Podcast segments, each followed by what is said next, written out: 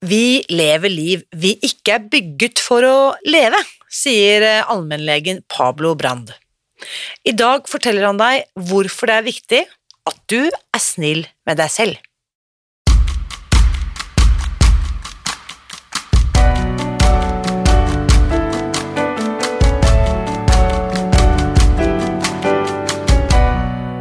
Mitt navn er Irina Lie. Jeg er journalist og forlegger, gründer og sosial entreprenør. I 2015 spiste jeg meg fri fra overvekt og fedme etter å ha slitt med vekt, kropp og følelser i nesten 30 år. Etter at jeg knakk koden, ga jeg meg selv et nytt oppdrag – å dele denne kunnskapen med alle som trenger det. I denne podkasten kan du derfor høre hele lydboken Spis deg fri. Den finner du ved å bla deg tilbake i arkivet og lytte til første sesong. Hver uke inviterer jeg nå gjester som gir deg påfyll til hodet, hjertet og magen. For min visjon er å endre Helse-Norge, og det får jeg ikke til alene. Du bidrar ved å abonnere på podkasten, skrive en omtale i iTunes og tipse meg om hvem jeg burde invitere hit. Da setter vi i gang med ukens episode. Livlegen. Det er det kompisen kaller ham, og derfor har allmennlege Pablo Brandt og kompisen Erik laget en podkast som heter nettopp det, Livlegen. Den skal du få høre mer om litt senere. For Pablo er nemlig en lege som mener at vi må ta en titt på hele livet vårt hvis vi skal ta tak i vår egen helse. Og jeg kunne ikke vært mer enig, så jeg gleder meg til å introdusere deg til ukens gjest. Kjære Pablo, velkommen til podkasten. Tusen takk. Dette har jeg gledet meg til, for det er faktisk nå jeg lurer på om det er et par år. Jeg har hørt at noen snakker veldig varmt og pent om deg for første gang. Ja, så utrolig hyggelig. Vi skal dykke ned mye, men eh, det jeg vet om deg, er at du er lege, Mm. eh, og nå også podcaster. Det siste må vi komme litt tilbake til. Ja, ja, ja. Men fortell litt om bakgrunnen din, eh, Pablo. Mhm. Jeg eh, kommer fra Oslo. eh, Oppvokst her, eh, ikke så langt unna her vi sitter i dag. eh, Og har etter hvert eh, begynt å studere medisin, som jeg drev med i seks års tid. Og så har jeg eh, vært selvfølgelig da i sånn turnustjeneste og disse tingene som vi leger må gjennom i etterkant. Vært litt i Nord-Norge, jobbet litt i Forsvaret gjort litt forskjellig, og som lege så får man jo er man jo ofte så heldig at man får, får liksom prøve mye forskjellig da, innenfor faget sitt. Så jeg har vært innom litt, litt forskjellig. Vært innom litt nevrologi på sykehus, vært innom litt anestesiologi på sykehus, og vært litt fastlege, vanlig fastlege på Manglerud her i Oslo. Og de siste begynner vel å bli ja, guttene vet hvor mange år det er. Tiden går fort, men det er fort vekk eh, Ja, i hvert fall en 13 år, tenker jeg. Ja. Så har jeg jobbet, eh, jobbet i det som nå heter Avonova. Det har hatt mange navn opp Yes, jeg skulle til å si det. Mm. Eh, på en klinikk som heter Bryggeklinikken, så Avonova Bryggeklinikken. Da. Der jobber jeg som, uh, som allmennlege, og, og, og så driver vi med litt sånne sære rariteter ved siden av, holdt jeg på å si, med litt sånn attestmedisin innenfor dykking og sjøfart og offshore Ja. og flymedisin og, og sånne ting, og så driver vi en del med bedriftshelsetjeneste. Ja, for det, Altså- det er det jeg forbinder med Avonova, Mm, eh, bedriftshelsetjeneste. Ja. Eh, også Bryggeklinikken, fordi at dere ligger på Aker Brygge. Ja, Ja. det er helt riktig. Men bare for å ta Avonova-linken først, Mm. hvilke andre navn er det du har jobbet under? under? Nei, du, først bare Først så het det bare Bryggeklinikken. Det var en egen, egen privatklinikk, egentlig. Eh, og så ble det kjøpt opp av Hjelp24, og så ble Hjelp24 kjøpt opp av det som i sin tid het Stamina Hot. Stamina Hot, ja. ja. ikke sant? Det er så mye bra navn. helse og trening. Og så øh, skjønte man vel etter hvert at øh, det hot-navnet ikke var helt heldig, så det ble borte, og man skilte ut treningsdelen av det, så da ble det bare stamina. Ja. Og så viste det seg at øh, Eller dette selskapet er både i Sverige og Norge, da. Eh, og i Sverige så het det Avonova, og så ville man på en måte samle dette under en paraply, da, så da ble det bare Avonova. Ja. Og det er som du sier, eh, helt riktig at Avonova sånn i, det store og det hele er veldig tungt inne i, i tradisjonell bedriftshelsetjeneste og HMS. Eh, og vi på Bryggeklinikken driver litt med, med det, det tradisjonelle, holdt jeg på å si, men vi har eh, hele tiden også jobbet mer med vanlig allmennmedisin i tillegg, da. Ja. Er du da spesialist i allmennmedisin? Nei, ikke ennå, faktisk, på Nei. papiret. Jeg, jeg har vært treig. Eh, jeg har mer eller mindre du har tatt deg til. god tid. Jeg har tatt meg god tid, Ja. helt riktig. Ja. Så det er der eh, Men det er mye formalia som må på plass, og Ja. kurs man skal på, ikke sant, alle mulige sånne ting. Men jeg har, jeg har vel mer eller mindre alt på plass, nesten. Men er Så- det eh, Nå ble jeg bare litt Mm. nysgjerrig, fordi at alle ulike yrkesgrupper har jo sine hva skal vi si, karriereveier og Mm. ikke sant? Eh, hvordan man gjør ting, i hvilken rekkefølge. Mm. Er det viktig for deg å bli spesialist i allmennmedisin? I, I utgangspunktet ikke veldig viktig. Eh, Det er jo på mange måter mer enn eh, hva skal man si Det blir feil å si at det er en formalitet, for det er klart at den, det, det spesialistløpet inneholder mange bra ting som man lærer masse av. ikke sant? Alt fra å gå i sånne veiledningsgrupper til å være på kurs og lære seg å fordype seg litt mer innenfor de forskjellige fagområdene innenfor allmennmedisinen. Men eh, men sånn som det er nå for meg, så, så blir det mer liksom, formalitet, for nå Ja. har man på en måte liksom, erfaring, man har jobbet som lege mange steder i mange settinger, man har vært på alle disse kursene og Ja. tatt, tatt mange sånne ting, så det er på en måte um, Ja, det oppleves i hvert fall litt mer som en sånn formalitet akkurat nå, og så er det også et poeng at når man jobber i det private, så, så har ikke den spesialiseringen den samme si, økonomiske betydningen da, som den kanskje har i Hvis du jobber som vanlig fastlege, f.eks., så, så tjener du rett og slett mer penger hvis du er Ja, spesialist. Nettopp. Så det er sånn, uh, sånne ting også. Ja, det er litt sånne Men jeg er bare nysgjerrig, for at, eh, nå når dette spilles inn, tidlig våren 2023, Mm. så har det akkurat kommet en historie om en kirurg nede på Sørlandet som Ja. har fått herje løs Ja. og holdt på. Ja, ja. Betyr det da at man som lege aldri viser frem papirene sine, eller hvordan er det mulig? Ja, jo, man gjør jo Jeg har i hvert fall måttet gjøre det. Ja, du har det, si. ja. ja, ja, i aller høyeste grad. Eh, Nei, jeg tror nok det er en outlier, for å si det sånn. Det er en ekstrem sak, uten at jeg har gått sånn veldig inn i detaljene der, men, eh, men eh, Nei, altså man Absolutt, man må, man må jo vise papirene inn- innimellom. Nå skal ikke vi bidra til helseangst og tenke at eh, hvis man kommer inn på sykehuset, så må man be om å få se CV-en til legen sin, men jeg har tilfeldigvis en kompis som ble utsatt for denne kirurgen. Å ja, såpass. Så det har gått bra Ja. med han nå, men Ja, eh, ja. ja da. Eh, Okidoki. Så du har altså eh, Vi kan si solid allmennhelsefaglig kompetanse. Ja. Ja, vi, vi det sånn. kan være Ja. så store. Mm. Uh, og da eh, La oss bare liksom zoome litt ut, fordi at eh, hvis du da ser på 2023 her og nå, Mm. hva tenker du er de store samfunnsmessige helseutfordringene som vi, vi står overfor? Jeg tror En ting som har seilt opp for meg eh, den siste tiden, som jeg tror kanskje er liksom den, den virkelig store for meg, er rett og slett en, en um, mangel på mellommenneskelig kontakt.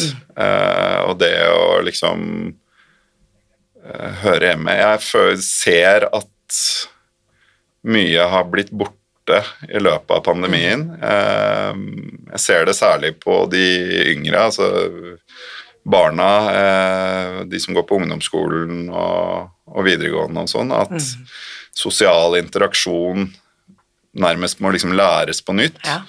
Og hvis du kombinerer det med, eller ser det samlet da, med samfunnsutviklingen for øvrig i forhold til sosiale medier, eh, digitalisering, eh, alle disse tingene her, så har man på en måte litt en sånn en farlig miks, tenker jeg, da. Eh, for det Ja. Og, det, og jeg tenker at den den, den derre eh, Hva skal man si Sosiale knytningen vi har da, til flokken vår eller menneskene rundt oss, den danner grunnlaget for så veldig mange ting, da. som altså det ikke, Vi snakker ikke bare på en måte mental helse, som er det mest nærliggende å, å snakke om, men vi snakker også om avhengighetsproblematikk. Mm. Og når vi snakker om avhengighetsproblematikk, så kan man snakke om eh, ikke bare da til liksom alkohol eller eh, narkotiske stoffer eller den typen ting, men også f.eks. innenfor kosthold, mm. mat. Mm. Altså det, det, påvirker så mye, da. Jeg er så glad for at du bare, må bare skyte ned, at du mm. også på en måte inkluderer mat og kosthold i den avhengighetsdefinisjonen, ja. fordi mm. det er jo fortsatt omstridt. Ja. Blant, ja. blant, leger, da, at mm. nei, vi har ikke klart å bevise at det er mulig å bli avhengig av mat. Um, hva, hva, hvorfor tenker du at det er så åpenbart at det tilhører uh, avhengighetsfeltet? Uh, nei, jeg tenker at det altså jeg, jeg, jeg, visste ikke at det var så omstridt innenfor mitt eget felt. Nå har ikke jeg, jeg har nok ikke like mye dybdekompetanse som det du har innenfor akkurat det som handler om kosthold, da. Uh, og har kanskje ikke lest like mye like mye på en måte ernæringsforskning som det du har, men men jeg, det er jo ikke lenge siden jeg leste en studie fra, fra USA altså som ble publisert på eh, Medscape, altså som er en av de store liksom, som publiserer forskningsartikler og den typen ting, da, hvor, hvor det sto at Hva var det det sto for noe? At det var eh, husker jeg ikke tallene, da, men at det var en ganske høy prosentandel av middelaldrende amerikanere som var avhengige av prosessert mat, yes. rett og slett. Mm. Um, og da, da, tenkte jeg i hvert fall at uh, ok, det, det makes sense på en måte. Altså, dette er jo på en måte kjemikalier som har hormonelle virkninger og virkninger på i hjernen da, i forhold til sant, frigjøring av dopamin og serotonin yes. og alle nevrotransmittere og alle disse tingene. Så den rene sånn kjemiske avhengighets, yeah. den fysiske avhengighets syklusen er jo, er jo åpenbar at kan trigges av, av mat, forskjellige typer mat og, og, drikke, for den saks skyld. Um, og den psykologiske delen av avhengighet, som jeg syns er nesten mer mm. interessant altså, jeg tenker Den, den ren sånn fysiske avhengigheten, det er på en måte ja, For å ta et eksempel av kaffe, sant, som mm. veldig mange drikker. Eh, den fysiske avhengigheten til kaffe den er vel kanskje til stede et par døgn eller noe sånt etter du har sluttet, da, hvis du er vant til å drikke masse kaffe. Ja. Og da Men, får du sånne withdrawal symptoms. Ja, ikke sant. Da, får du, da skjelver du litt på hånda, ja. og det er liksom alle disse tingene her. Men den ekte avhengigheten, sånn som jeg ser på det, det er når det har gått Si det har gått en måned, da. Mm. Og du skal ja, du for eksempel, da, skal skrive en artikkel, har en deadline, et eller annet sånt, og tenker i hodet ditt at ah, nå, nå, trenger jeg nå trenger jeg kaffen for å liksom fokusere, eller ikke sant. Det er avhengigheten på en måte som gjør at du da begynner å drikke kaffe igjen, da, hvis du hadde bestemt deg for å slutte. Og dette kan du på en måte sammenligne med, med alle, alle, ting som ja. vi på en måte er uh, avhengige av. Da. Og vi, vi, er jo det i større eller mindre grad, og alt dette her er jo på en måte basert på Dette her er evolusjon. Det vi kjemper mot her, og det er det jeg er litt sånn opptatt av generelt, er på en måte det man i mangel av et jeg vet ikke om det, det er et godt norsk ord å si rotårsaker. Ja. Root causes, ja, som man sier, på engelsk. da. vi sier rotårsaker, ja, det er fint. Men, men det, synes, liksom, det, er det jeg syns er kjempespennende å se på, er jo liksom hva, hva er det vi mennesker er bygget for? I utgangspunktet. Hva er det på en måte mesteparten av vår evolusjon Hva er det den har, hva er det den på en måte har spesialisert oss til? da? Og det gjelder jo ikke bare hva skal man si, kosthold og hva man spiser og den typen ting. Det gjelder jo liksom ikke sant, det, det sosiale, det gjelder eh, bevegelsesmønstrene mm. våre, søvn altså Det er så mange Alt, egentlig, da, mm. er basert på det. Og da kan vi si, hvis vi ser hva vi er bygget for, mm. for å trives optimalt da, i liksom i, i vår kropp, mm. så gjør vi jo veldig mye som går helt på tvers av dette. Ja, ja. Uten tvil. Jeg, altså, jeg pleier ofte å si det til mange av pasientene mine, at veldig mye av det vi ser innenfor moderne medisin, mye av det handler nettopp om det. Altså at vi lever vi lever liv vi ikke er bygget for å leve. Mm. Vi er bygget for å eh, være ute i naturen. Vi er bygget for å bevege oss på en helt annen måte enn det vi gjør i dag. ikke sant? Veldig variert. Vi er bygget for å gå mye mer, eh, bevege oss over store avstander. ene dagen fanger du liksom fisk i elven, og andre dagen sanker du sopp i skogen og osv. Eh, vi er bygget for å leve i relativt små tett knyttede sosiale grupper som på en måte samler For å være litt sånn flausete, så, eller litt uh, hva skal man si altså, altså Samles rundt leirbålet om kvelden Yes. og fortelle historier. Og? Altså, det, det er så mye, da, og nå, nå Og vi er bygget for å? Altså, du, For deg som er eh, holdt jeg på å si, innenfor dette med ernæring, da? Altså, man er også bygget for å på en måte putte i seg antageligvis mye mindre eller mye mer variert da. Eh, kost og sesongavhengighet. Ikke sant? Altså, det er masse sånne ting. da. Eh, og nå lever vi liv hvor vi stort sett sitter i en stol, Yes. ser i en skjerm, Ja. eh, ser i en skjerm istedenfor å snakke med Holdt jeg på å si Men da er jeg nysgjerrig, da.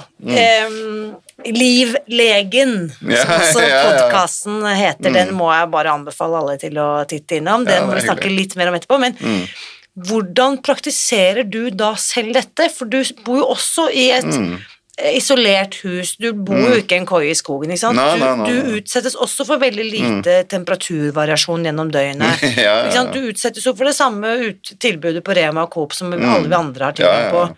Jeg tror ikke du går og sanker i skauen eller jakter villsvin, ikke sant, Mm, i Sverige.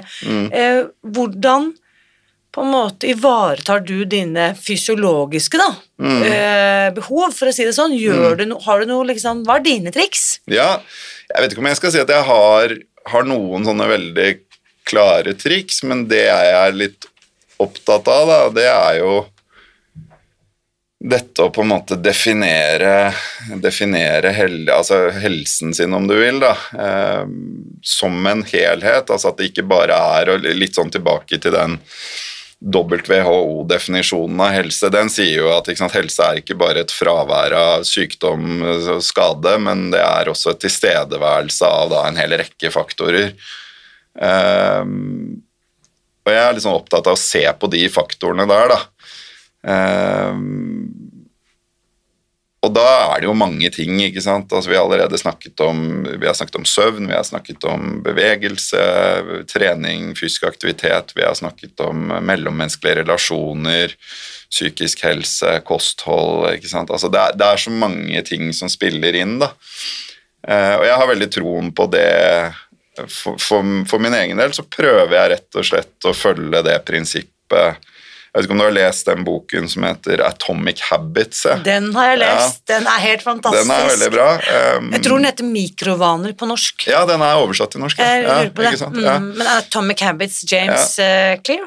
ja, Ja- det ja. tror jeg det er. James Ja. Clear. Anbefales på det varmeste. Ja, Mm. ehm, og det, det, han eh, trekker jo frem et, eh, et, et av konseptene der, da, som, som, hvor man har også noen sånne eh, eksempler fra det virkelige liv, hvor man ser at dette lykkes veldig bra. Det ene er det de på engelsk kaller 'aggregation of marginal gains'. Eh, for å si det på godt norsk, så kan man bare si 'mange bekker små'.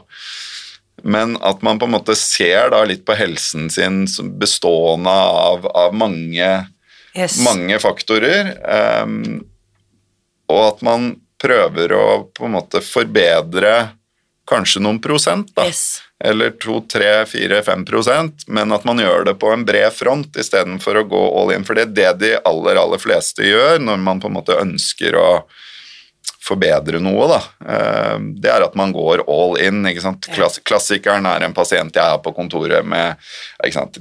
litt overvektig, litt høyt kolesterol, litt høyt langtidsblodsukker. Og, og et ønske om å gå ned i vekt, så går de ut av kontoret mitt og så tenker de at nå skal jeg bare spise selleri, og så skal jeg løpe fem maraton i uka. Og, og det Lykke til. ja, lykke til. Det? Det, det, det funker ikke. Det, vet, altså det, det er noen få da, som faktisk Ja, får til. Det fins noen få individer som Men liksom det er menn. mm. Stemmer ikke det? Om det er menn? Ja, altså, så jeg tipper at de, de få prosentene, eller promillene Ja. som får til det Ja, det er, det er nok kanskje, uten at dette har jo ikke jeg liksom ordentlig harde tall på, selvfølgelig, Men, men jeg, du har nok rett i at majoriteten av de som liksom klarer å gå all in og holde seg der, da, for Ja. det er det som er interessant. Dette skal jo være bærekraftig, ikke sant. Ja. Det er noe du skal kunne fortsette med, tenker jeg, da, eller det er jeg veldig opptatt av. Mm. At det ikke er da nettopp den fella du går i ved å bare spise selleri og løpe fem maraton i uka. fordi da, ok, kanskje du klarer én uke, da. Ja. Og, og så ryker du tilbake, og så kicker alle disse her grunnleggende effektene som vi snakket om i sted, med, sant, fra steinalderen inn, om at liksom, nå er det bare om å gjøre å liksom, samle mest mulig energi og hvile mest mulig og liksom bygge opp det energilageret igjen. ikke sant? Ehm, men, men uansett, altså for majoriteten av oss så er det i hvert fall ikke bærekraftig. Da. Så, Men istedenfor å gjøre det, da, så er jeg veldig sånn opptatt av å, å ha litt den approachen da, sånn, som er fra den boken der, med at ok, man skrur litt på de tingene. Ok, Hva kan jeg gjøre med søvn, f.eks.? Jeg kan bli litt flinkere til å skru av mobilen eh, før, eller ha, legge mobilen på et annet rom, f.eks. Kanskje det forbedrer søvnkvaliteten lite grann, liksom. Eh, kan ha det kaldt nok på soverommet, ha det ryddig på soverommet. Sånne små praktiske Yes. forandringer du kan gjøre, og som er bærekraftige, som du kan fortsette med da, på kosthold. Det å ja, redusere veldig lite hvis du skal redusere, eventuelt introdusere noe nytt før du tar bort noe annet. Ikke sant? Altså, det er masse sånne småtriks du kan gjøre, da, men i det øyeblikket du på en måte sulter kroppen? Altså, da skriker Da kommer alle disse her eh, mekanismene som er så hva skal man si, som gjennom denne lange evolusjonen vi snakket om tidligere? Har, har blitt liksom fintunet nærmest. Da, da kicker de inn for fullt. Jeg har jo merket det selv òg. Hvis jeg ikke har trent på en stund, og så drar jeg på gymmen og liksom ah, nå skal jeg trene, Løper fire ganger fire intervaller og trener masse vekter og sånn. Kommer hjem, spiser opp hele kjøleskapet, liksom. sant? Kroppen bare Nå må, har det skjedd en eller annen krise. Nå må du bare fylle opp dette energilageret igjen, ikke sant? og så bare få det inn. Så, så det istedenfor å gjøre det på den måten, da, det å liksom prøve å gjøre små, små forandringer, men på mange områder, det er jeg veldig tilhenger av. Og det er sånn jeg prøver, da. Jeg er på ingen måte noen eh, hva skal man si, noen guru på dette her i det hele tatt. Det er liksom jeg gjør så godt jeg kan, men, men det, jeg merker at den approachen der, den tilnærmingen der, den er eh, Den funker rimelig greit for meg, altså. Hva, eh, er det du som snakker om helsehjulet? Ja. Ja, ikke sant? Mm. Dette er disse For vi har jo så mange felles bekjente, og han ene, det jeg visste at han hadde det fra deg, Mm. eh, helsehjulet. Og da eh, er det akkurat disse Sånn som jeg ser det for meg, denne Trivial Pursuit-kaken. ja, ja, ja. Ikke sant? Er helt riktig. Så kan vi se for oss at vi fyller inn de med ulike fargeklosser. Mm. Som du var inne på, søvn, vi snakket om bevegelse, relasjoner, psykisk helse og kosthold. Da er vi oppe på fem. Mm. Hvis vi tenker åtte, da, er det ikke Ja. det som er liksom vanlig? Jo, og så har vi eh, risikofaktorer. Som for ikke sant eh, De mest nærliggende å snakke om er sant, alkohol og tobakk og ting, Ja. ting vi på en måte utsetter oss for. da. Gifte, liksom? Ja, på en måte det, men også sant, skjerm, skjermtid og Ja. sant, gaming og tid foran Det kan også defineres som en risikofaktor. da. Men tar du inn her typ sånn personlig økonomi eller finansiell utrygghet eller stabilitet? Er det en, i, tenker i at denne Den, den, er ikke, den er ikke en egen eh, et eget Nei. kakestykke foreløpig, men det er et Mm. veldig godt poeng, egentlig, det du kommer med der, for det er jo en kjempeviktig del. Sånn som jeg har tenkt på det inntil nå, så er det kanskje på mange måter en en del av noen av de andre Ja. kakestykkene, da, på en måte. Altså at du har uh... Så jeg bare tenker, Hvis noen har lyst til å teste litt selv hjemme, Mm. hvilke mangler vi da? Da vi en bevegelse, relasjoner, psykisk helse og kosthold, og så har vi dette risikofaktorer. Mm. Da mangler vi to. Ja, da er det genetikk, Genetikk, som vi har snakket om. Og det, det, der er det jo mye Mye Hva skal man si Jeg vil ikke si misforståelser, men man, man tenker jo fort at man er eh, født og det, og det er, stemmer jo på mange måter, at man er jo født med på en måte en blueprint på, på hvordan ting skal se ut da, i kroppen. En arkitekttegning, rett og slett. En komplett tegning. Eh, men så viser det seg jo at eh, det er jo forskjellige ting som leses på forskjellige tider, rett og slett. da. Og det er påvirkbart. Yes, På en Den såkalte epigenetikken. Helt riktig. Ja. Mm. Uh, så det er jo interessant å, å ha med, Ja. på en måte, da, at man tenker noe om det. Nå tenker jeg ikke at det, akkurat det punktet der er kanskje ikke noe man selv nødvendigvis får liksom gjort så veldig mye med, med men, men mer at man er på en måte klar over de effektene. Ja. At ved å på en måte investere i f.eks. Et, eh, ja, et sunt kosthold og det å være aktiv, og sånn, så vet du på en måte at det har faktisk en effekt da på, Ja.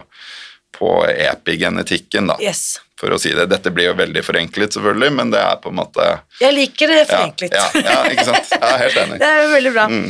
Eh, Da har vi ett punkt igjen på dette helsehjulet. Ja, nå må jeg tenke meg om, eh, Ja. rett og slett. Hva, hva er det vi har vært igjennom da? Altså, Søvn og bevegelse. Ja. Relasjoner, psykisk helse, Mm, kosthold, mm, risikofaktorer og genetikk. ja. Natureksponering. Ah, Rett og den liker jeg. ja. Dere har med et punkt om det. Ja, altså Eller vi har vel kalt det aktivitet, egentlig, da. Ja. Eh, det, men, men rett og slett litt det der, og det å være ute, rett og slett, og det å eksponeres Mm. eksponeres for, eh, for natur. eh, i, I større eller mindre grad, holdt jeg på å si, i en eller annen form, det ser man jo at har en, en, en veldig klar innvirkning Yes. på, på menneskelig helse. Da. Jeg har bare lyst til å Jeg liker å snakke om meg selv. Ja. Så bare for å bruke meg selv som eksempel. Mm. Um, dette spilles jo inn i mars 2023. Det er ganske nøyaktig tre år siden Norge stengte ned. Mm. Og det jeg husker skjedde med meg, eh, det er at jeg blir redd Mm. og begynner å spise. Ja. Kjempeinteressant. Mm. Og det er ikke hva som helst jeg spiser, jeg spiser fett. Ja. Så plutselig så bare fikk jeg sånn skikkelig fettcraving. Mm. Og så har jeg tenkt på dette på, og jeg har jo selvfølgelig null eh, forsknings eh, å dette her på, men jeg føl, det føltes som om nerveendene mine trengte å pakkes litt inn. At jeg måtte ha litt støtpute Mm. mot de farene som føltes veldig reelle der ute i den store verden. Mm. Eh, er det en, eh, kjære lege, er det en vanlig reaksjon? Kan det forklares ut fra det du vet om hvordan menneskearten opptrer? Eh, ja, det kan jo det. Eh, Altså Det er klart at kroppen Altså hvis, hvis kroppen på en måte eh, oppfatter en ytre fare, da, eller sant, at man ser for seg at det nå blir det nedgangstider Si det, sant, at det var tegn i naturen da, når, hvis vi levde i steinalderen. da, Yes. Det at nå, nå kommer en istid eller Ja. sant, et eller annet sånt, hva er lurt å gjøre da? Jo, Spise seg opp. bare lagre energi, ikke sant? Få opp de der eh, tingene der. Og, Ja. og, og så er det jo også det hva, hva denne spisingen selvfølgelig gjør med oss der og da, i forhold til liksom frigjøringa, som vi snakket om tidligere, dette Yes. med dopamin og serotonin, og at det er på en måte en, en mild antidepressiva, da, om, om enn med en veldig forbigående effekt. Ja. Så det er eh, trøstespising, rett og slett. Ja, rett og slett. ikke sant? Så Også- enkelt. men, men at man kan på en måte oppleve fluktuasjoner, svingninger i dette her med, med liksom hva man craver, da, hva man har lyst på. ikke sant? Det, jeg har selv merket det at jeg, jeg har en betydelig større fetthunger om vinteren Ja, når det er kaldt, enn en om sommeren, f.eks. Ja. Eh, og det tenker jeg handler kanskje litt om det samme, da, at kroppen på en måte registrerer at ok, nå er det kaldt, ikke sant, nå må vi liksom bygge opp, eh, få næring, og at du også kanskje forbrenner litt mer da, for å holde deg varm hvis du er ute videre. Ja. Så, men eh, Men det jeg har hørt eh, en kul fyr som jobber mye med dette her, si vi skal ha fett, og vi skal mm, Hva er det han kaller det? Uh, vi skal sirkulere fettet. Ja, Så vi skal legge på oss om vinteren, mm, og så skal vi kvitte oss eh, med fett igjen, typ i den varme årstiden, da. mm, Eh, Så vi skal re ikke resirkulere, men vi skal på en Ja, måte sånn, sirkulere. Ja, altså, dette er en- naturlig fluktuasjon da, gjennom sesongen og året. ja, Jeg likte den tanken. Mm, ja. Vi skal ikke legge på oss mellom to og fem kilo hvert år, og så skal vi Nei. bli gamle og smellfeite, men Nei, vi skal liksom gå litt inn og ut av disse Ja, sånn, ja. ja. ja nei, det, jeg kan ikke svare for på en måte, hva skal man si, vitenskapen bak akkurat den teorien der, da, men, eh, men eh, ja, nei, jeg skjønner hva du mener i hvert fall. Jeg syns det hørtes logisk ut. Også det som jeg også da, ikke sant, jeg kunne egentlig gått inn på alle disse åtte feltene, hvordan Mm. denne angsten og redselen og nedstengingen, eh, isolasjonen, påvirker min psykiske helse, Ja, ja. søvnkvaliteten, Mm, eh, nesten følelsen av å ikke få puste. mm, Eh, så det begynte jo at jeg begynte å studere pust, og det er jo et helt eget eh, Mm. Ja, fag. Men det jeg liker med det du forteller om her, denne Atomic Habits, hvor han sier det som var min store takeaway fra den boken, er hvis du forbedrer et eller annet felt da, med 1% hver dag, Mm.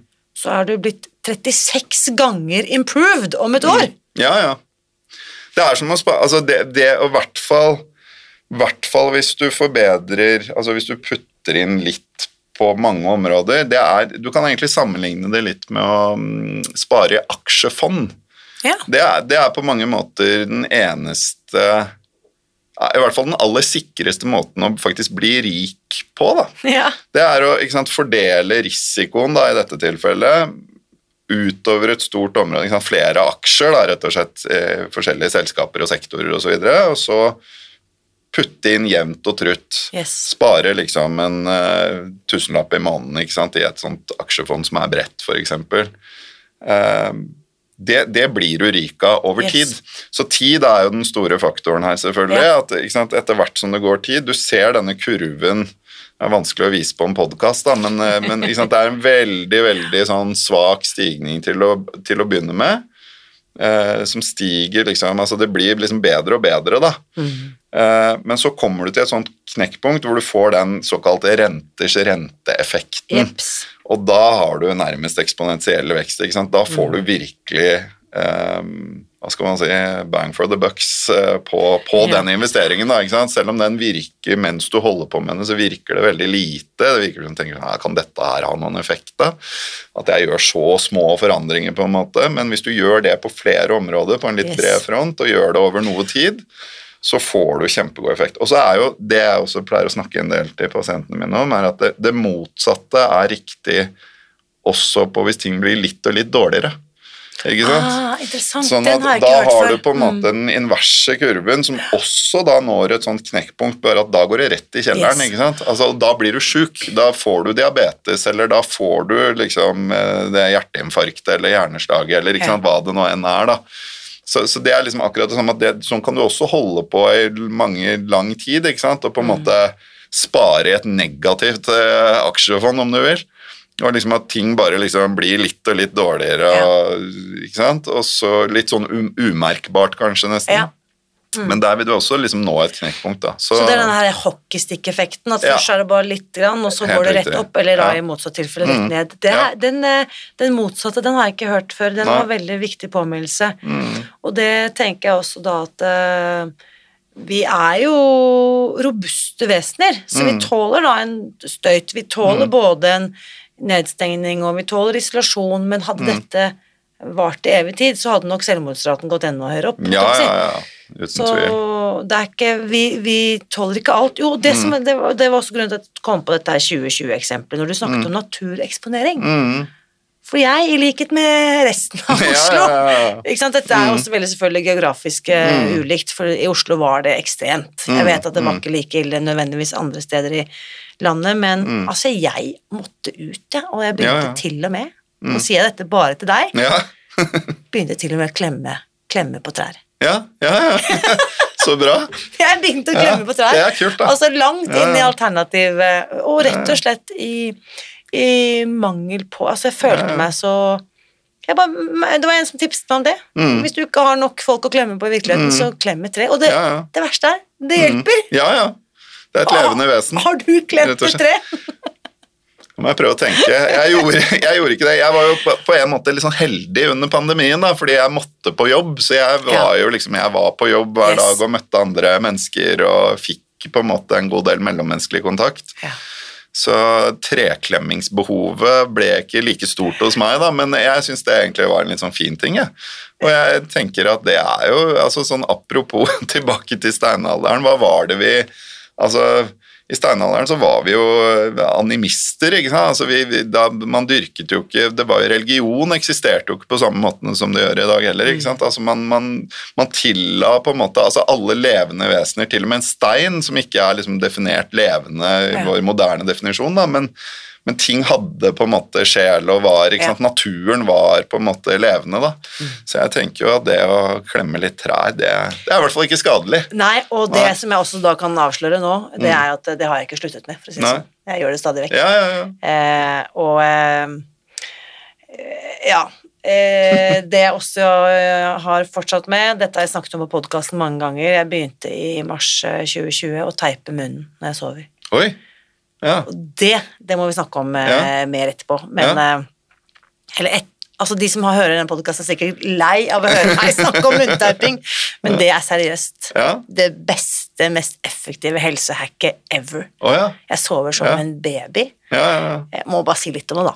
ja. Eh, Du kan sjekke det opp, Mm. og det som også skjer, er jo at når du bare nesepuster, så aktiveres jo masse sånne hormonelle og kjemiske responser i bihulene. Mm. Blant annet utskilles noe som heter nitrogenoksid, Mm. som er muskelavslappende, ja.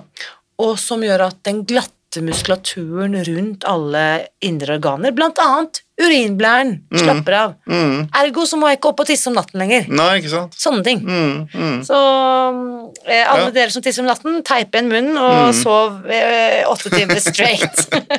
Ja, så bra. da må vi snakke om denne livlegen, fordi Mm. eh, podkasten, den eh, Det var også egentlig litt sånn pandemibaby, Ja. eller?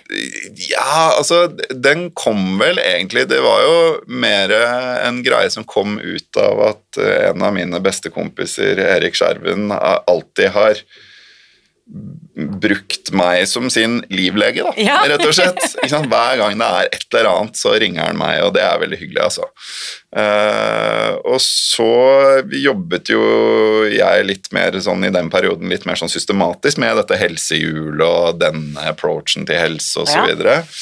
Uh, og så tenkte vi at ok, men la oss kombinere disse tingene litt og snakke om Snakke om helse, rett og slett, fra et litt sånn forhåpentligvis litt sånn lunt perspektiv, da, for det Yes. følte vi kanskje vi, vi savnet litt i en del i, i podkastverdenen. At det var liksom enten veldig sånn faglig og litt hardt og tungt, men eh, ellers så Ja, vi, vi tenkte i hvert fall at det, det var en hyggelig ting, eh, rett og slett. Og, så vi har så langt laget eh, åtte episoder som omhandler disse, disse åtte områdene av helsehjulet da, som vi mm, har snakket om, og hvor vi har eh, invitert interessante gjester da, Yes. som vi snakker litt med. med. Så um, det som jeg liker da i måten dere snakker om disse tingene på, det er sånn som du sier, det er ikke noe pekefinger, det er ikke noe moralisme, det er ikke noe sånn no. du må, skal, burde, kunne gjøre. Mm. Det er på en måte litt mer sånn eh, nysgjerrig tilnærming. Mm. Ehm, jeg digger det. Ja, det er hyggelig. Det er superviktig. Ja, hyggelig å høre. Og, og jeg tror det også spiller jo litt sånn tilbake på det vi snakket om her, med, med det, viktigheten av å liksom gjøre sånne små forandringer, da, Mm. istedenfor å gå liksom så veldig all in ikke sant, på Mm. forskjellige områder. Så, så tror jeg på en måte den approachen der også er, er viktig, da, at man liksom ja, ikke sant, tar det litt rolig. For det, handler, det var jo litt utgangspunktet også, var jo min kompis Eriks liv, ikke sant, Han er det jeg vil kalle levemann. Eh, veldig glad i god mat og vin og ikke sant, liker å røyke litt pip innimellom og i det hele tatt. Så, der er det, så, så det handlet jo litt med også om da, at han var litt, litt sånn småbekymret for liksom, kan jeg fortsette med dette her, liksom, og på hvilket nivå, og så videre. Eh, Er det farlig? Hvor farlig er det? Og eventuelt liksom, hvilke endringer kan jeg gjøre? da? Jeg tenker spesielt for en som han, eller meg for den saks skyld, så er den der approachen da, med, en- med en litt sånn lun tilnærming, hvor man, også, man ser helheten da, og får liksom noen sånne småting man kan gjøre på forskjellige områder, så er det det mest bærekraftige, og som på sikt vil bidra til, til forbedret helse, rett og slett. da. Jeg tror jo hvis vi hadde spurt alle disse Erikene og Karine og Marine som hører på denne podkasten, hva kan du gjøre for å forbedre din søvn, så jeg er sikker på at alle umiddelbart kunne ha kommet opp med et eller annet svar Mm. som sikkert er korrekt. Ja, ja. For det er jo ikke sånn at det, alle må legge seg klokken ti, eller må ha Nei, åtte timers søvn, eller må, må teipe munnen. Det er ikke sånn. nei, nei. nei, nei.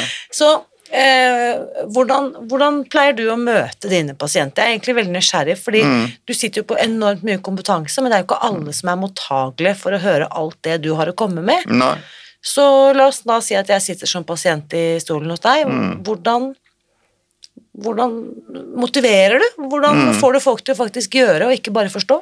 Mm, nei, vi har jo Eller vi er på gang nå da, med å, å faktisk skape en ny rolle i, det selskapet jeg jobber i, Ja. eh, som vi kaller for en, en helserådgiver, som vil være en sykepleier, sånn at vi skal kunne drive mer proaktiv oppfølging, da. For det ser vi at er, er nødvendig i en del tilfeller. Um, eh, at vi rett og slett kan, kan på en måte følge opp pasientene tettere, da.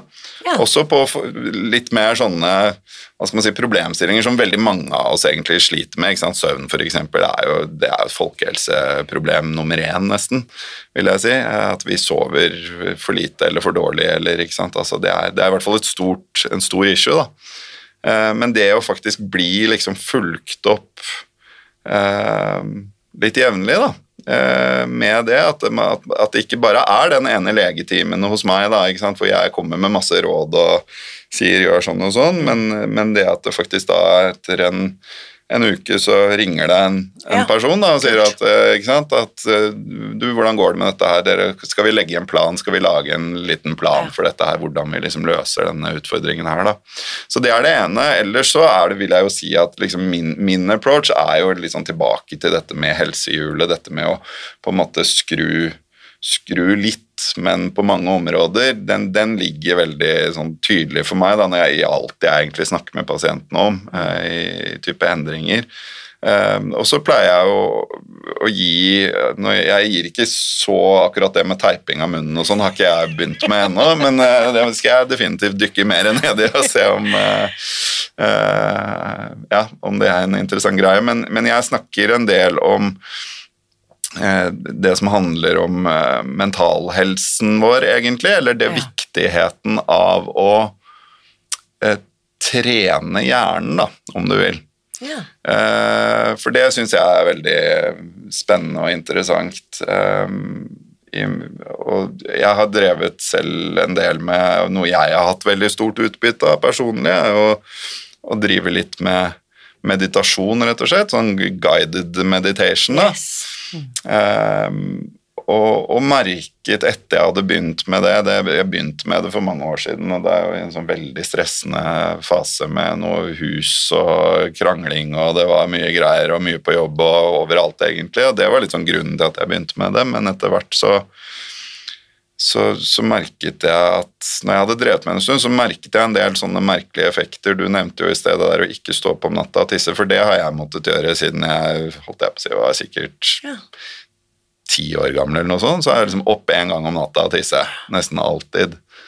Og så når jeg hadde drevet med dette her, eh, denne meditasjonen, eh, altså typ liksom fem minutter da, hver dag, putte inn noen sånne ørepropper og gjør, bare, gjør, bare gjør, møte opp og gjøre det, liksom. Bare lytte og løre det. Bare, bare liksom gjøre det. eh, Så merket jeg, så tenkte jeg plutselig at jeg har ikke vært oppe én gang på natta og og tissa, ikke sant. Utrolig. Og da, da begynte jeg å tenke på liksom, hvorfor, hvorfor det, hva er det jeg har gjort annerledes. Og først så tenkte, tenkte jeg ikke på meditasjonen i det hele tatt. Jeg tenkte liksom, har jeg drukket mindre vann, eller har jeg liksom gjort noen andre endringer, da. Men, men så skjønte jeg jo etter hvert at nei, dette her eh, handler nok om det, da. Og, det er jo sånn at vi har jo på mange måter et sånt grunnsignal ikke sant, hele tiden. Det er, vi, det er veldig sjeldent at alle musklene i kroppen vår er faktisk helt slappe. ikke sant? Altså når vi sitter her, Selv om jeg sitter eh, avslappet i stolen nå, så er det et, et visst spenn i muskulaturen. Det er et visst spenn, ikke sant, som du nevnte i sted, dette med den glatte muskulaturen rundt eh, liksom blodårer og indre organer og sånne ting. Um, det kaller vi for tonus eh, på medisinsk. Det er liksom tonusen, på en måte. Det er et sånt grunnsignal som går fra sentralnervesystemet ut i kroppen. Og i, for å ta urinblæra, da, som vi har snakket om Ja, det er bra, det. så, er jo, det, det er jo en liten, en liten ball som blåser seg opp når den fylles med urin. ikke sant? Og i veggen på urinblæra så er det jo, i den muskelveggen så er det reseptorer, nervereseptorer som merker hvor mye strekk det er i, i blæra, og som på et eller annet tidspunkt da fyrer og sier fra til resten av systemet at nå må, nå må Irina på do, eller nå må Pablo på do liksom, og tisse. Um, og de reseptorene, eller de sensorene, da, de har jo også et, får også dette grunnsignalet, om du vil, da, Ikke sant? Det er også påvirket av denne tonusen i, i nervesystemet. Sånn at, sånn at hvis du på en måte kan skru ned den tonusen litt, da, om du vil, sånn jevnt over, så, så skal det faktisk litt mer strekk til da, før Yes. de fyrer, liksom. Og, Kan vi si at den tonusen er et, eh, et målenivå på stressnivået i kroppen? ja, på mange måter kan du jo si det. Så jo høyere tonus, jo mer stressa er kroppen? Ja, på en måte. Dette blir veldig Ja sånn generaliserende veldig og veldig forenklet, for dette er jo sammensatt. Det er jo ikke bare på en måte fra sentralnervesystemet, det er jo sant, masse hormonelt Ja. og binyrer, og det er ikke sant Masse eh, greier. Masse greier, og nitrogenoksid som du snakket om, ikke sant, og ting som påvirker alt Ja. mulig. Men, men ja, på en måte så kan vi si det Veldig forenklet. Veldig forenklet. Jeg kan jo gå på apoteket over gaten her, så kan jeg Mm. kjøpe meg et termometer som jeg bare kan holde mot pannen, og så ser jeg liksom 36,9, som er liksom min, Mm. mitt tall, da. Ja, ja, ja. Men jeg kan ikke kjøpe meg et tonustermometer.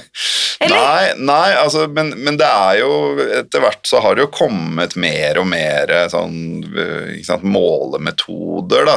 Ja, som- er som kan- HRV noe Ja, knyttet til dette? HRV kan vel være liksom knyttet til altså heart rate variability. Um, og det, det, det er nok noe som kan gi i hvert fall være en sånn slags sånn proxy-indikator Ja. uh, på, på dette her. ikke sant? Så hvis, og, og, og dette kjenner jeg jo, altså uten å ha noe som Mm. Ja, helst ja. måleinstrument, at nå, og, nå er jeg liksom skikkelig Du er ditt beste måleinstrument. ja, jeg si. Ja. Hvis jeg bare Mm. velger å lytte litt innover og Mm. kjenne etter. Ja, ja. Nå er jeg anspent, stressa, og Mm. jeg kan liksom bare Av og til Jeg må bare huske å puste ut. Åh, Mm. Bare liksom Mm. Så hvis jeg går med et høyt spenningsnivå Det er jo ikke bra, det skjønner vi jo sånn Mm. helt. Men et, en høy tonus, da, eller høyt stressnivå i kroppen, Mm, mm. Hva, hva slags Hva ville livlegen sagt da? Hva slags Mm. eh, uhumskheter kan det føre til? Det er jo mye, og det er jo, men, men også Det handler jo veldig mye om, om tid. Dette her også, ikke sant? Altså om, om rett og slett over hvor hva, hva snakker vi liksom, over hvor lang tid? For det er jo helt naturlig for oss mennesker. Ikke sant? Livet går opp og ned. Eh, altså Vi kan ikke på en måte forvente at vi skal leve i en slags zen-nirvana-tilværelse hver eneste dag. Hele, altså, det er? Så, så ting går opp og ned, så jeg tenker det er viktig at folk på en måte ikke, ikke blir stressa over å være stressa, for å si det sånn. For mange ganger er det helt naturlig at man er litt anspent og litt stressa, på en måte, at tonusen er litt høyere. da. Eh, Men det er klart, det, det vi snakker om her, handler jo kanskje mer om det å på en måte konstant Jeps. gå med det over lang tid. Da. Og det er klart at det, det er jo vist i masse forskjellige studier og fører til en hel haug med forskjellige sykdomsprosesser. Ikke sant? Så alt fra på en måte hjerte-karsykdom til eh, diabetes og kreftsykdom, og det er ikke måte på. Altså vi eh, ser jo det, ikke sant? Altså, høyt stressnivå det påvirker jo også immunfunksjonen vår i veldig stor grad. ikke sant? Det er jo jeg tror nesten utelukkende Vi har jo noen sånne virus da, som, som, som blir i kroppen resten av livet. Vannkopper, f.eks., som Ja. du hadde da du var liten, sikkert. Eh, Det, det lever i kroppen. Det er fanget i et sånt lite, lite sted i nervesystemet, da, faktisk, bak i det vi kaller bakhornene bakfra eh, Altså der hvor på en måte nervene kommer ut fra ryggmargen og går liksom Ja. ut i kroppen. Men der holder immunforsvaret vårt. Der er det noen soldater utenfor på en måte, som står og holder det viruset der, og det gjør ikke noe ut av seg i det hele tatt. Og så ser vi jo da hva som skjer eh, enten når man blir gammel, rett og slett, og, og immunforsvaret begynner å slappe av, liksom. Eh, immunfunksjonen blir litt dårligere. Eller man er veldig stressa over tid, sover dårlig etc., etc. Eventuelt drikker alkohol i store mengder, altså en del sånne ting. Det gjør at disse soldatene som liksom passer på dette viruset som er der, de slapper av. Da sier viruset 'hei, nå skal vi ut på tur'. Og så vandrer det ut langs den nerven i dette tilfellet da, og danner det som heter helvetesild.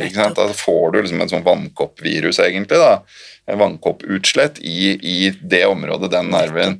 Jeg trodde helvetesild var knyttet til herpes, jeg. Ja. Nei. Nei, det er, Det er vannkopp, altså. Nettopp. Vann, det er vannkopper, men det er, vannkoppviruset er i herpesvirusfamilien. Ok, da. ja, ok. Mm, ok. Så, men men, men herpe, altså, herpes nedentil, holdt jeg på å si, det er jo kjempevondt. Og, og det er, er egentlig det samme prinsippet for herpesvirus, at Ja. det også er bor i kroppen. Så vi lever på en måte i en slags, et slags samspill da, med forskjellige virus som vi har i oss.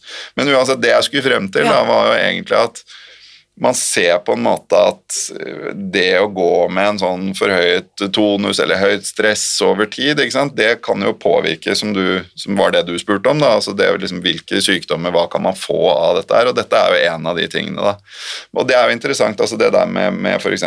helvetesild eller oppbluss av herpesinfeksjon f.eks. Jeg har hatt mange pasienter med det, og jeg har hatt det selv òg, altså sånn helvetesild. Det fikk jeg da, den, apropos den samme perioden da jeg drev med husgreiene og var ikke superstressa. Så sto jeg en morgen og dusja, og så så jeg liksom plutselig på undersiden av armen bare Jeg har fått helvetesild, liksom.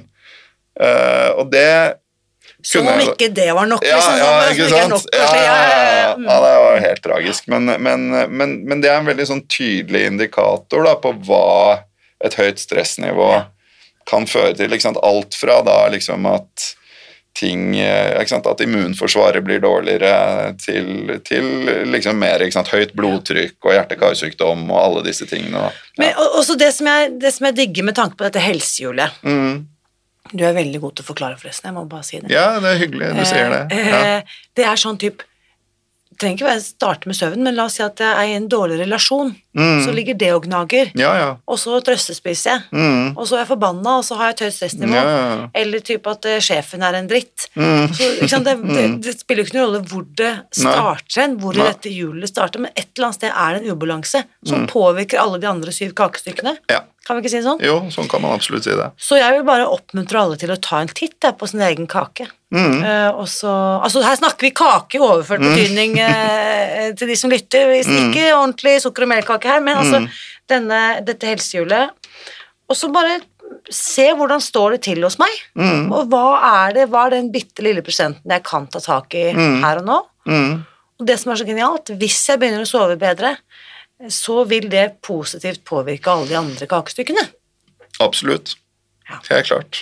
Apropos søvn, Mm. eh, jeg, jeg, jeg må bare litt tilbake til dette med meditasjon, for jeg er så dypt inne i dette temaet selv om dagen, rent mm. privat. Mm. Eh, hvilke apper, hva, hvem følger du, Mm. hva gjør du, hvordan ser meditasjonspraksisen din ut i Ja, dag?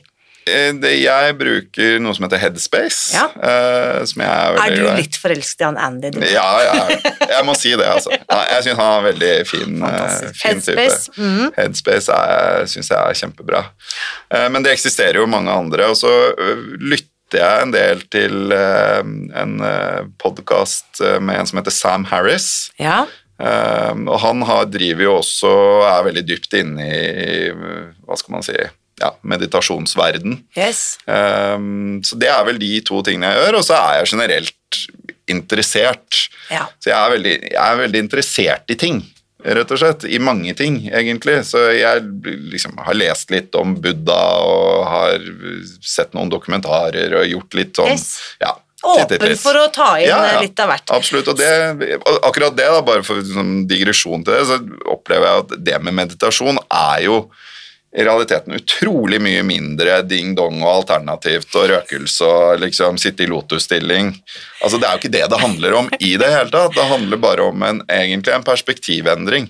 Ja. Ikke sant? Det er jo det man sant? Blant annet i, i Headspace så snakker man jo de har jo, Jeg syns de er veldig gode til å forklare ting og har, har også noen sånne sammenligninger som jeg har stjålet litt og bruker litt til pasienter. Da. Men man sier jo f.eks. at sant? Altså, alle tankene alle følelsene vi har, de, det er som biler på en motorvei. Det bare kommer fra utsiden. Vi har ikke kontroll over hva som dukker opp der. Og så er på mange måter sånn grunninnstillingen til hjernen vår det er å være ute i motorveien og interagere med alle disse bilene på et eller annet vis. Enten om du prøver å stanse noen av dem, eller om du setter deg inn i andre og liksom blir med.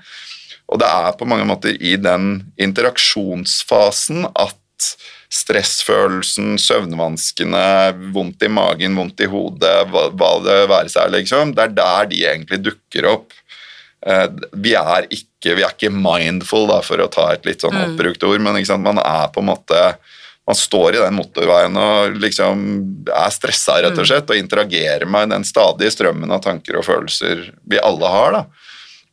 Eh, og det man egentlig trener opp ved å, etablere en liten meditasjonspraksis, det er evnen til hjernen til å ta et lite skritt tilbake Yes. fra den motorveien, sitte på en benk ved siden av og observere motorveien og liksom se se på alt som kommer, og ta det for det det er, men, men på en måte da ikke nødvendigvis interagere med det. Og det er på en måte Det er en veldig sånn subtil, fin ting, da. Og det, det er absolutt sånn tilbake til det du snakket om i sted med helsehjul, og liksom at det, hvis du forbedrer det ene, så får det så brede implikasjoner, da, og kan Ja. liksom forbedre alle de andre tingene også, og hjelpe til. ikke sant? Aksjefond, som vi snakket om i sted, at du får liksom renters renteeffekten og, og så videre. Så og det opplever jeg også med f.eks.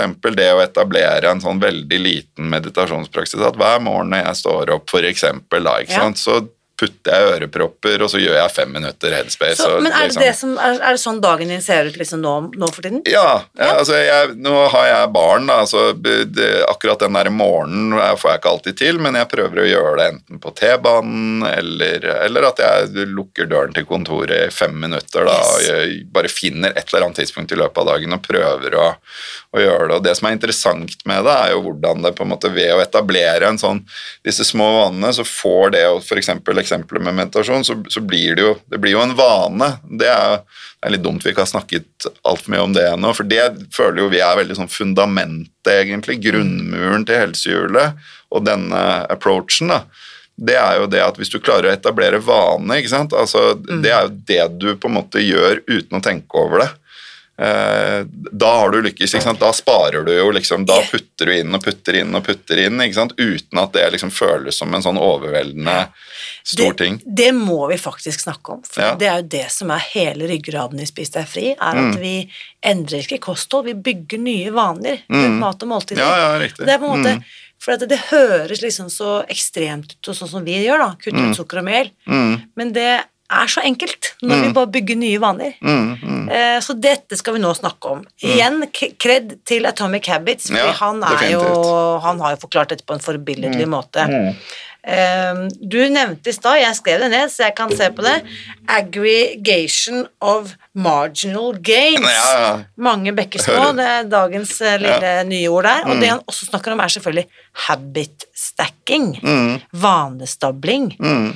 Eh, når du da, la oss da si at du får til denne femminutteren om morgenen, at det er en blitt liksom vane nummer én Mm. på starten på dagen, hva kan det da Hvilken endring gjør det, at når denne vanen er etablert? Mm. Nei, altså, det, det gir jo For det første så gir det jo en mestringsfølelse å liksom oppleve at nå har du, du har faktisk fått til noe, da. Altså klart å, å bygge en, en vane. Um, og for min del så handler det jo mye om at altså hvis vi tar det eksempelet med meditasjon, at det på en måte får noen sånne implikasjoner i løpet av dagen. da. At, at uh, den, den vanen gjør at jeg øh, tar med meg de, hva skal man si, de meditasjonsteknikkene kanskje mer inn i hverdagen også. At jeg liksom eh, mikromediterer, om du vil. At jeg, blir, at, jeg, at jeg rett og slett blir flinkere til å være til stede her og nå, også i løpet av dagen. da. Mens jeg gjør andre ting, på en måte. Eh, at jeg nærmest underbevisst eh, bruker, bruker de samme teknikkene, om det er pust eller om det er det hver gang jeg reiser meg fra en stol, at jeg liksom er helt til stede i akkurat den bevegelsen, eller hver gang jeg åpner en dør, så kjenner jeg liksom ordentlig godt etter på dørhåndtaket. Altså det er liksom sånne Altså man får det så inn, da. Um, og så gir det jo på en måte alle de, i hvert fall i mitt tilfelle, veldig mange sånne gode helsefølger, kan du si. Altså at du på en måte du generelt sett er litt roligere, at det da kanskje også er lettere å som du sier, da, ikke sant? Altså, bygge på med andre positive ting. Da ikke sant? Altså, at da er det kanskje liksom lettere å faktisk også få til litt mer aktivitet eller ikke sant? i forhold til kosthold, at man er mer ved hjelp av f.eks. mindfulness, så at man er liksom mer klar over hva man spiser, at man er mer til stede når man spiser, at man på en måte ja, altså Det kan på en måte føre til så mange andre små, små forandringer også, da. Jeg har en sånn vanestabling sånn som jeg avslutter dagen med. Mm, Og det er typ sånn øh, Rydder ned kjøkkenet sånn og sånn, prepper frokost til dagen etter. mm, Og så slår jeg liksom av lysene over kjøkkenbenken, så er liksom kjøkkenet øh, ferdigstengt. Pusser tennene, mm. og på vei inn på badet har jeg lagt fra meg mobilen på den hyllen i gangen. Ja. For da skal jeg ikke se noe mer på den. Nei. Pusser tennene. Mm. Går inn igjen på kjøkkenet og bare skriver en sånn Jeg har en sånn takknemlighetsdagbok som Ja, jeg også begynte med under pandemien. ja. Kult. Um, og så er det i seng. Mm, Uh, så da er det på en måte Jeg slukker ned. mm, mm. Så det er ikke sånn da at jeg lurer på hva skal jeg gjøre nå. Nei, det er på en måte nei. Når jeg setter i gang den ene prosessen, Mm. så skjer de andre tingene Ja. sånn smakk, smakk, smakk. Mm, Bare som mm. en sånn dominoeffekt. Ja, ja, ja. Uh, og i perioder har jeg altså stablet Det er nesten så det bare er to timer midt igjen på dagen Ja, ja, ja, til, fritid. Så har, da, i perioder har, det vært, da har jeg tatt den litt for langt. det har blitt ekstremt effektivt, men det har føltes veldig rigid. Mm. Så jeg har liksom gått litt inn og ut. Jeg har disse, stablet litt ned, og så stablet litt opp igjen. Ja, ja, ja. Men har du et annet eksempel på hvordan du har stacket din, din dag?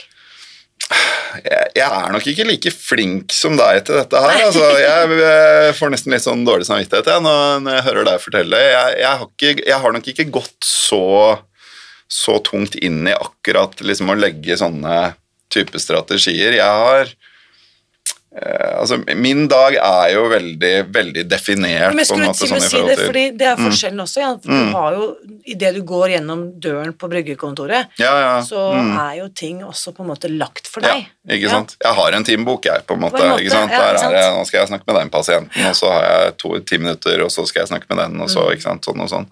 Så det, er, det, det bygger jo mye på en måte liksom gangen i min dag, og så har man jo barn man skal hente og bringe til diverse ting, og så har man ikke sant? Man skal, det er mye man skal få plass til, da. Ja. Men, eh, men jeg, prøver, jeg prøver egentlig bare å, å liksom ha noen sånne basic Yes. småting som jeg liksom som jeg prøver å holde ved like så godt jeg kan. Og så, og så har jeg også lært meg det og på en måte altså viktigheten av å, å være snill med seg selv, da. Eh, og, og gi seg selv litt slack. ikke sant? Du nevnte jo det at du har liksom i periodisk kanskje liksom gjort litt for mye, og så har du slacka ned litt ikke sant? og tatt bort litt, men at man da ikke har en sånn kommentatorboks i hodet som Yes. sier at nå er du liksom mislykka fordi du ikke får til å følge dette superrigide opplegget med at du skal gjøre sånn og sånn og sånn og sånn. og sånn, og sånn liksom. Så jeg, jeg på en måte, jeg, jeg tenker litt at jeg, jeg gjør så godt jeg kan, eh, og så prøver jeg så ofte jeg kan å liksom få til litt og litt her og der, Yes. og for meg så funker det bra. Og det, og det er jo litt sånn tilbake til livlegen også, det er jo litt det vi også prøver å, å få frem litt i den, da, altså liksom finne sånne små Små ting, da, Yes. uten at det blir altfor dominerende og stort, på en måte. Ja. Jeg tenker det er eh, En takeaway da, som Mm. noen kan ta med seg, det er eh, det jeg i hvert fall kan gjøre, er å lytte til livlegen. Ja, det er hyggelig. Ja. Så de som ikke er så heldige, og eh, er det sånn at man må være, må bedriften være medlem i Avonovo for å kunne komme til bryggeklinikken, eller er den åpen for hvem som helst? Den er i utgangspunktet eh, åpen for hvem som helst, Ja. men jeg vil jo si at majoriteten for, av, av våre pasienter er, eh, er tilknyttet en bedrift da, som, som har avtale med oss. Ja, så, men det er mulig. For de som mulig. nå tenker at Ja, ja. jeg må til Pablo, Absolutt. da er det bare Ja, å det er- booke seg inn. Eh, Dette er helt fantastisk, Mm. eh, Pablo. Da må jeg bare si tusen, tusen takk for kjempe både viktig, verdifull og underholdende samtale med selveste livlegen. Takk for at du kom. Tusen takk. Nå lurer jeg på, hva tenker du etter å ha hørt min samtale med Pablo i dag? Samtalen den fortsetter som vanlig i den åpne Facebook-gruppen Spis deg fri, så bli med over dit og del gjerne din takeaway fra denne episoden. Og eh, i anledning ukens podcast-episode så vil jeg også minne om tilbudet vi har til alle landets leger og helsepersonell og andre som jobber med pasienter med overvekt og fedme. Vi har nemlig laget eh, en gratis informasjonsbrosjyre til helsepersonell som du kan dele ut til eh, dine pasienter som vil vite mer om Spis deg fri-metoden. Det eneste du trenger å gjøre, det er å gå til spisdegfri.no fastlege og fylle navn og adresse, så sender vi deg disse infoheftene helt gratis, som du altså kan dele ut til dine pasienter eller klienter. Og hvis du som hører på kanskje ikke er fastlege, eller bare du har lyst til å lære mer om Spis deg fri-metoden, enten du jobber som, uh, i helsevesenet eller er pasient, så kan du nå melde deg på mitt gratis webinar som jeg skal ha nå i april. Det gjør du ved å gå til spisdegfri.no april, hvor du registrerer deg helt gratis, og uh, her på dette webinaret så vil jeg vise deg hvordan du kan spise deg fri fra overvekt og fedme, og du får også mitt supertriks for å stoppe søtsug og cravings på ett minutt. Webinaret er helt eh, kostnadsfritt, men antall plasser er begrenset, så du sikrer deg din plass ved å gå til spisdegfri.no april og meld deg på nå. Husk også, uansett hva du gjør for å hjelpe deg selv eller andre, så vit at jeg heier på deg. Alltid.